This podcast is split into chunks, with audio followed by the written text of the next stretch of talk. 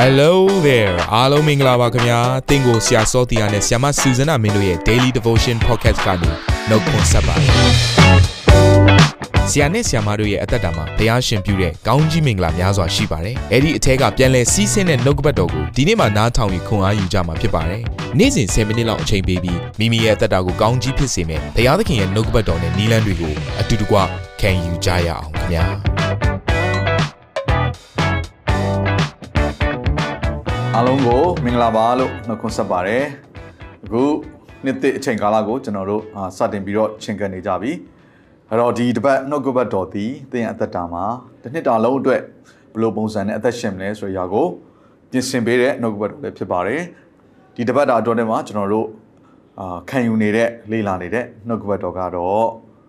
ပိုရှန်စွာပေးသောဖရားဆိုတဲ့ခေါင်းစဉ်အောက်မှာလေ့လာနေကြတာဖြစ်ပါတယ်အဲ့တော့တတ္တရနေ့ရက်အတွက် ပြင်ဆင်ထားတဲ့နှုတ်ကပတ်တော်ကောင်းစဉ်ကတော့အလိုတော်ဒီဟူသောဂတိတော်ကျွန်တော်တို့ယုံကြည်သူများက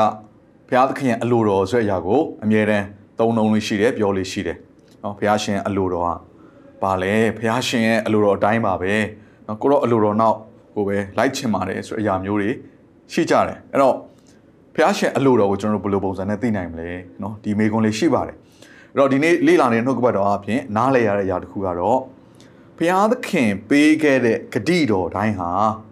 သူ့ရဲ့အလိုဆန္ဒတွေဖြစ်ပါတယ်။ဘုရားသခင်ကျွန်တော်တို့ကိုချစ်တယ်။သင်အသက်တာကိုကျမ်းမာတော်သူ၊ကောင်းစားတော်သူ၊အောင်မြင်တော်သူစသဖြင့်ပေါ့နော်။သင်အသက်တာကိုဘုရားရှင်အသုံးပြုခြင်းတယ်။သင်အသက်တာကိုဘုရားရှင်တန်ဖိုးထားတယ်။သင်ကိုချစ်တယ်။အဲ့တော့ဖခင်ကောင်းသောဖခင်တယောက်အနေနဲ့သူ့ရဲ့သားသမီးကိုချစ်တဲ့အခါမှာဒီသားသမီးအတွက်သူ့ဘက်ကနေပြီးတော့ပေးခြင်းတဲ့အရာတွေဖြစ်စေခြင်းတဲ့ဆန္ဒတွေရှိလာတယ်။ ဆိုတော့ဒီຢာကိုသိဖို့ရန်လို့ငါဘုရားသခင်ဒီဘာနဲ့ပြင်ဆင်လဲဆိုတော့ဂတိတော်တွေထဲမှာတစ်ခါတည်းထည့်ပေးလိုက်တာဖြစ်ပါတယ်။ဒါကြောင့်မလို့ဘုရားရဲ့ဂတိတော်တွေကိုကျွန်တော်တို့လေ့လာလိုက်ပြီဆိုရင်ဘာနဲ့တွဲနေလဲဆိုတော့ဘုရားသခင်ဖြစ်စေခြင်းနဲ့အခြေအနေတစ်ခုနဲ့အမြဲတမ်းတွဲနေတယ်ဆိုတာကိုကျွန်တော်တို့အာသဘောပေါက်ဖို့ဖြစ်တယ်။အဲ့တော့ဥပမာအနေနဲ့ရှင်းအောင်ပြောရမယ်ဆိုရင်ကယ်တင်ခြင်းယေရှုဘုရားရဲ့ကယ်တင်ခြင်းဆိုတဲ့အရာဟာဘုရားရဲ့ချစ်ချင်းမြတ်တာကိုဖော်ပြတော့အကြီးမားဆုံးသောနမိတ်လက္ခဏာဖြစ်ပါတယ်။နော် အင်ပဒမဘုံတကိုအာနုဘော်တော်နှင့်ပြေဝသောကောင်းကင်ဘုံစည်းစိမ်နဲ့စိုးစံတော်မူသောဘုရားသည်လူစားတိခံပြီးတော့သူ့ကိုပုံကန်နေတဲ့သူ့ကိုနားမလည်နိုင်တဲ့သူ့ကိုညှင်းဆန်နေတဲ့အပြစ်သားတွေအားလုံးအတွက်သူ့ရဲ့အသက်ကိုပေးပြီးတော့ကဲတယ်ဆိုတဲ့အရာလောက်ကြီးမားတဲ့နမိတ်လက္ခဏာကမ္ဘာပေါ်မှာမရှိပါဘူးဒီလောက်ထိချစ်ချင်းမြတ်တာကကြီးမားတယ်ထိုချစ်ချင်းမြတ်တာဒီအားလုံးအတွက်ဖြစ်တယ်နော်လူဆိုးတွေအားလုံးအတွက်လည်းပါတယ်သင်မကြိုက်သင်မနှစ်သက်သင်မုန်းမာတယ်ဆိုရရန်သူတွေအတွက်လည်းပါပြီးသားဖြစ်တယ် အားလုံးကိုချစ်ပါတယ်ဆိုတော့ဒီမေတ္တာကိုအင်္ဂလိပ်စကားလုံးမှာဆိုရင် unconditional လို့သုံးတယ်နော်အခြေအနေနဲ့မဆိုင်ဘူးအပြစ်နဲ့မဆိုင်ဘူးဘလို့အပြစ်မျိုးစားပဲဖြစ်ဖြစ်ဘလောက်ထိကြီးတဲ့အပြစ်ပဲဖြစ်ဖြစ်ဘယ်လူမျိုးပဲဖြစ်ဖြစ်ဘုရားသခင်ချစ်ချင်းမေတ္တာကအားလုံးအတွက်ဖြစ်တယ်သို့တော်လည်းပဲထိုကယ်တင်ခြင်းဆိုတဲ့အရာကို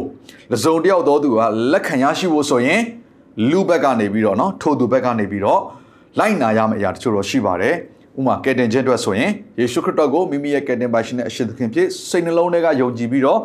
နှုတ်ရှာပါဇက်ကဝန်ခံပြီးတော့ထိုယေရှုနောက်ကို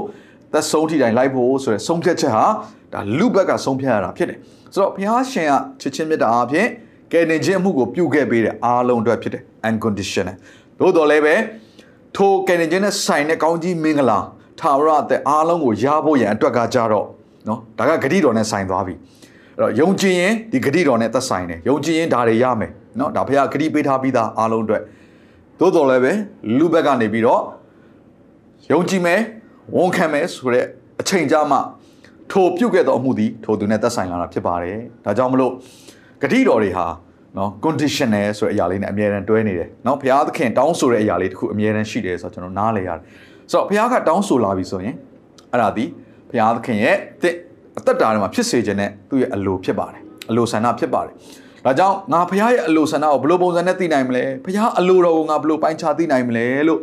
သင်စဉ်းစားရဲဆိုရင်နှုတ်ကပတ်တော်ထဲမှာဘုရားရှင်ပေးခဲ့ပြီးသားဖြစ်တဲ့ဂတိတော်တွေကိုလေ့လာပါကျွန်တော်တို့ဒါကျမ်းစာလေ့လာတဲ့သူတွေကနှုတ်ကပတ်ကျမ်းစာထဲမှာဂတိတော်ပေါင်းစုစုပေါင်း9000ကျော်ရှိတယ်လို့သူတို့ဒီလိုပဲ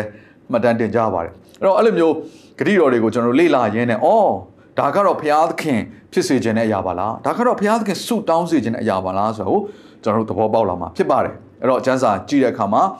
အလိုတော်နဲ့ညီတော်ဆုတောင်းခြင်းဆိုတဲ့အရာလည်းရှိပါတယ်ကျမ်းစာလေးကျွန်တော်ဖတ်ချင်တယ်တေရောခန်းကြီး9 14ကနေ15မှာငါတို့သည်ဘုရားသခင်အထံတော်၌ရဲရင်ခြင်းအကြောင်းဟူမူကားငါတို့သည်အလိုတော်နှင့်အညီတစုံတစ်ခုသောစုကိုတောင်းလျင်ဘုရားသခင်သည်နားထောင်တော်မူ၏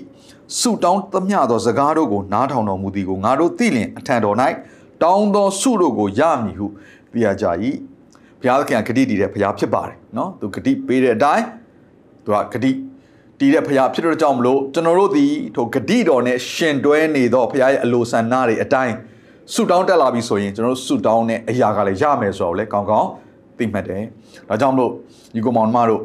ဘုရားရှင်အလိုတော်နဲ့ညီသောဆုတောင်းခြင်းကိုသင်ဆုတောင်းဖို့ရန်ပြင်ဆင်နေပါသလားဘုရားသခင်ဂတိတော်တွေကိုလေ့လာပါဘာကြောင့်ဆိုအဲ့ဂတိတော်တွေထဲမှာ ဘုရားရှင်အလိုဆန္ဒကတခါတည်းတွဲပြီးတော့ပါနေလို့ဖြစ်ပါတယ်အဲ့တော့အဲ့ဒါနဲ့ပတ်သက်တဲ့အဖြစ်အပျက်လေးတစ်ခုကလည်းအာထွက်မြောက်အကြံခန်းကြီး15 26မှာရေးထားပါတယ်ဣသရာလူမျိုးတွေကိုဘုရားရှင်အဲဂုတုလူတွေကကယ်နှုတ်ပြီးတဲ့အခါမှာပေးတဲ့ဂတိစကားလည်းဖြစ်ပါတယ်သင်တို့သည်သင်တို့၏ဘုရားခင်ထာဝရဘုရား၏စကားကိုစစ်စစ်နားထောင်၍နှစ်သက်တော်မူသောအကျင့်ကိုကျင့်လင်၎င်းပညာတရားတော်အလိုသို့လိုက်၍စီရင်တော်မူချက်တို့ကိုစောင့်ရှောက်လင်၎င်း ငါသည်အေဂုတုလူတို့၌ဆွဲစေသောယောဂတစ်စုံတစ်ခုကိုမျှသင်တို့၌မဆွဲစေငါသည်သင်တို့၏ယောဂကိုငြိမ်းစေသောထာဝရဘုရားဖြစ်သည်ဟုမိန်တော်မူ၏သင်ရဲ့ယောဂကိုငြိမ်းသည်ဖြစ်စေမငြိမ်းသည်ဖြစ်စေဘုရားသခင်သည်အနာယောဂကိုငြိမ်းစေတော်ဘုရားဖြစ်တယ်ကျမ်းမာခြင်းအရှင်ဖြစ်တယ်ဒါကဘာမှပြောင်းလဲတော့မှာမဟုတ်ဘူးသို့တော်လည်းပဲထိုကျမ်းမာခြင်းအရှင်ထိုကျမ်းမာခြင်းအရှင်ရဲ့နော်အနာယောဂငြိမ်းစေခြင်းဆိုတကိုးတော်ကိုလက်ခံရရှိဖို့ရန်အတွက်ကတော့ ဘုရားသခင်ဘက်ကတောင်းဆိုတဲ့အရာဣသရေလလူမျိုးတွေစီမှာရှိပါတယ်အဲ့ဒါကတော့သူ့ရဲ့စကားကိုစစ်စစ်နားထောင်ပြီးတော့သူ့ကိုရှာဖွေပြီးတော့ဘုရားရှင်နီးလန်းနေအတိုင်းတန်ရှင်သောအသက်တာဖြောင့်မတ်သောအသက်တာထဲမှာရှောက်လန်းနေမယ်ဆိုရင်တော့တဲ့အခြားသူတွေယောဂဆွဲပေမဲ့လေတက်တက်တာထဲမှာထိုယောဂဆွဲရတဲ့အခွင့်မရှိဘူးယောဂပျောက်ကင်းရတဲ့အခွင့်ကိုလည်းငါပေးမယ်ငါဟာအနာယောဂကိုငြိမ်းစေသောထာဝရဘုရားဖြစ်တယ်လို့ဘုရားသခင်ကဂတိတော်နဲ့ လိုက်နာရမယ့်အချက်နှစ်ခုကိုတွဲပေးထားရဲဆိုတာကိုကျွန်တော်တို့တွေ့ရပါတယ်ဒါကြောင့်မလို့ဘုရားသခင်ရဲ့နော်နောက်တော်ကိုလိုက်တော်သူများကဘုရားသခင်နီးလန်းပါလဲသိဖို့လိုတယ်ဒီနေ့အပြင်ပြောမှာဆိုဘုရားရှင်အလိုတော်ပါလဲသိဖို့လိုတယ်အဲ့တော့ကျွန်တော်ဒီနေ့တစ်ခါလေးပြန်ပြီးပြောချင်ပါတယ်ဘုရားသခင်ရဲ့ဂတိတော်သည်ဘုရားသခင်ရဲ့အလိုဆန္ဒဖြစ်ပါတယ်သူကကောင်းသောဖခင်ဖြစ်တာ哦နော်သူကဂတိပေးထားတယ်ဆိုကြတဲ့ကသူကပေးခြင်းလို့ကောင်းစားစေခြင်းလို့ဂျေစုပြုခြင်းလို့တနည်းအားဖြင့်ပြောမှာဆိုဂျေစုပြုခြင်းလို့ သူကဂတိပေးတယ်သို့တော်လည်းပဲဖခင်တယောက်အနေနဲ့နော်ဒီဂတိတော်ကိုသူရဖို့ရန်အတွက်တစ်ဖက်မှာတောင်းဆိုတဲ့အရာတွေအားလုံးကသူ့ရဲ့ကောင်းကျိုးအတွက်ပဲဖြစ်ပါတယ်အာကျွန်တော်နဲ့ကျွန်တော်သားရဲ့အဖြစ်ပြက်ထဲမှာဆိုရင်နော်ဒါဒီ example လေးကိုပြောပြခြင်းနဲ့ကျွန်တော်ကသူ့ကိုစမ်းစာအစာအဆုံးဖတ်စေခြင်းနဲ့အဲ့တော့အချိန်တစ်ခုရောက်လာတော့သူ့အတွက်ဖုံးဝယ်ပေးဖို့ဖြစ်လာတယ်ဖုံးဝယ်ပေးမှသူ့ရဲ့ကြောင်းသင်ခန်းစာတွေစသဖြင့်ပေါ့နော်အာသူ့ရဲ့ဆရာကြီးနဲ့ဆက်သွယ်ရတယ်ဆိုတော့ကျွန်တော်တို့လည်း သူ့ကိုဆက်သွယ်တာတွေပို့အဆင်ပြေလာမယ့်အခြေအနေတစ်ခုဖြစ်တဲ့အတွက်ကြောင့်မလို့ဖုံးဝယ်ပေးဖို့ဖြစ်လာတယ်ဒါပေမဲ့ဒီတိုင်းဝယ်မပေးလိုက်ချင်ဘူးနော်ဝယ်ပေးလို့ရတယ်ဒါပေမဲ့ဝယ်မပေးလိုက်ချင်ဘူးအဲ့တော့သူ့ကိုကျွန်တော်ဂတိပေးတယ်ငါသားမျိုးငါဖုံးဝယ်ပေးမယ်ဒါပေမဲ့ကျန်းစာကိုအစားကနေအစိုးတစ်ခေါက်တော့ရအောင်ဖတ်ပါနော်ဒီလိုပုံစံမျိုးတွေကျွန်တော်ပြောလိုက်တဲ့ခါမှာသူကကျန်းစာကိုအစာအဆုံးเนาะပြီးအောင်ဖက်တယ်တော်တော်လေးမြန်ပါတယ်၃ရက်လောက်နဲ့တခါတည်းပြီးသွားတော့ကျွန်တော်လုံးဝမယုံနိုင်ဘူးသူ့မေးတယ်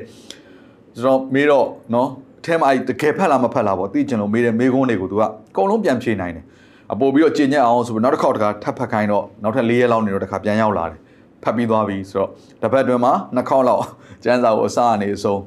နော်သူဖတ်တယ်ဆိုတဲ့ຢာကိုကျွန်တော်ကောင်းကောင်းသိသွားတဲ့ခါကျတော့ကျွန်တော်ဂတိပေးထားတဲ့အတိုင်းပဲသူကိုကျွန်တော်ဖုံးဝယ်ပေးလိုက်တယ်ဆိုတော့ကောင်းငင်ဖခင်ဟာသူ့ရဲ့သားသမီးတွေကိုနော်ကောင်းသောဖခင်တယောက်အနေနဲ့သူပေးထားတဲ့ဂတိကိုတီးဖို့ရန်လုံငါ ပြုတဲ့ဖခင်ဖြစ်တယ်ဂတိမတီးဘူးဆိုရင်ဒါလိန်ညာတဲ့ဖခင်ဖြစ်သွားပြီဖခင်ဘယ်တော့မှမလိန်ပါဘူးအဲ့တော့ဖခင်သည်တင်းကိုကောင်းကြီးပေးခြင်းတယ်ဒါပေမဲ့သူတောင်းဆိုတဲ့အရာလေးတွေရှိတယ်ထို့အရာကိုတင်းဘက်ကနေပြီးတော့သဘောတူမယ်ဝန်ခံမယ်လိုက်ရှောက်မယ်ဆိုရင်တော့တင်းအသက်တာထဲမှာအလိုတော်နဲ့ညီသောအသက်တာအလိုတော်နဲ့ညီသောဆူတောင်းခြင်းအလိုတော်နဲ့ညီသောအသက်ရှင်ခြင်းဖြစ်တော့ကြောင့်မလို့ဂတိတော်တွေကလည်းချက်ချင်းကိုတင်းရဲ့အသက်တာထဲမှာ လိုအပ်တဲ့အချိန်မှာပြည့်စုံလာမယ်ဆိုတာကိုသိမှတ်စေခြင်းနဲ့နောက်ဆုံးကြပိုက်လေးဖတ်ပြီးဆုံးသက်ခြင်းနဲ့ဟေပြဲခန်းကြီး30ငွေ36ဘုရားသခင်အလိုတော်ကိုဆောင်ပြီးမှဂတိတော်အတိုင်းအကျိုးကိုရမည်အကြောင်းသီးခံခြင်းစိတ်ရှိရမည်ဂတိတော်အတိုင်းအကျိုးကိုရတယ်ဘယ်အချိန်ပြီးမှလဲဘုရားသခင်အလိုတော်ကိုဆောင်ပြီးမှဒါဟေပြဲ30 36ထဲမှာပါတဲ့အကြောင်းအရာဖြစ်ပါတယ်เนาะဒါဓမ္မသစ်ထဲမှာလည်းဖြစ်တယ်ယုံကြည်ခြင်းနဲ့ပတ်သက်တဲ့အကြောင်းအရာတွေပြောတဲ့အခါမှာဒီကျမ်းစာလေးကလည်းပါလာပါတယ်အဲ့တော့ သင်ကိုလည်းခွန်အားပေးခြင်းပါတယ်ဘုရားရှင်အလိုတော်ကိုဆောင်သောအသက်တာဖြစ်ပေါ်ရလို့ငါဘုရားရှင်ဂတိတော်တွေကိုလေ့လာပါဆွဲလန်းပါဂင်ဆွဲပါဘုရားကိုစိတ်ချပါဘုရားရှင်ကောင်းသောဖခင်ဖြစ်တယ်ခဏလောက်ဆုတောင်းရအောင်ဘုရားသခင်ကိုရောကိုယေရှုတင်တယ်ကောင်းသောဖခင်ဒီဟုသောဘုရားကိုကျွန်ုပ်တို့ယထားလို့ယေရှုတင်သလိုကောင်းသောဖခင်သည်ဂတိထားတဲ့အတိုင်းဂတိတည်သောဘုရားဖြစ်လို့ကိုရရှင်ဖခင်ယနေ့ကိုရောအလိုတော်နောက်တို့လိုက်နိုင်ပါမိကြောင်းရောက်စီတိုင်းကိုယေရှုပြုပါကိုရောနှစ်သက်တော်လမ်းဟာဘာလဲဆိုတာကို အသက်တာထဲမှာရှာဖွေပြီးတော့ကိုရောကိုမျှော်ကြည့်လျက်ကိုရောရဲ့နီလန်းနေနောက်ကိုနေ့ရက်စတိုင်းတန်ရှင်သောအသက်တာဖြောင့်မတ်သောအသက်တာနဲ့လိုက်လျှောက်တတ်သောသူတွေဖြစ်ဖို့လည်းကိုရောယေရှုပြုပါယေရှုတော်ပေါင်းကိုချီးမွမ်းတယ်ဒီနှုတ်ကပတော်ကြားနာကြဖြင့်အရောက်စီတိုင်းသည်အလိုတော်နဲ့ညီသောအသက်တာအလိုတော်နဲ့ညီသောဆုတောင်းခြင်းကိုတောင်းတတ်ပါမိကြောင်းလည်းကိုရောယေရှုပြုလို့နာမတော်ကိုချီးမွမ်းကြပါတယ်။သက်ရှင်တော်မူသောနာဇရက်မြတ်ယေရှုခရစ်နာမကိုအမိပြုလျက်ဆုတောင်းဆက်ကန်ကြပါ၏ဖပါဗျာ။အာမင်။ နေ့ပြန်မှာပြန်ဆောင်ကြရအောင်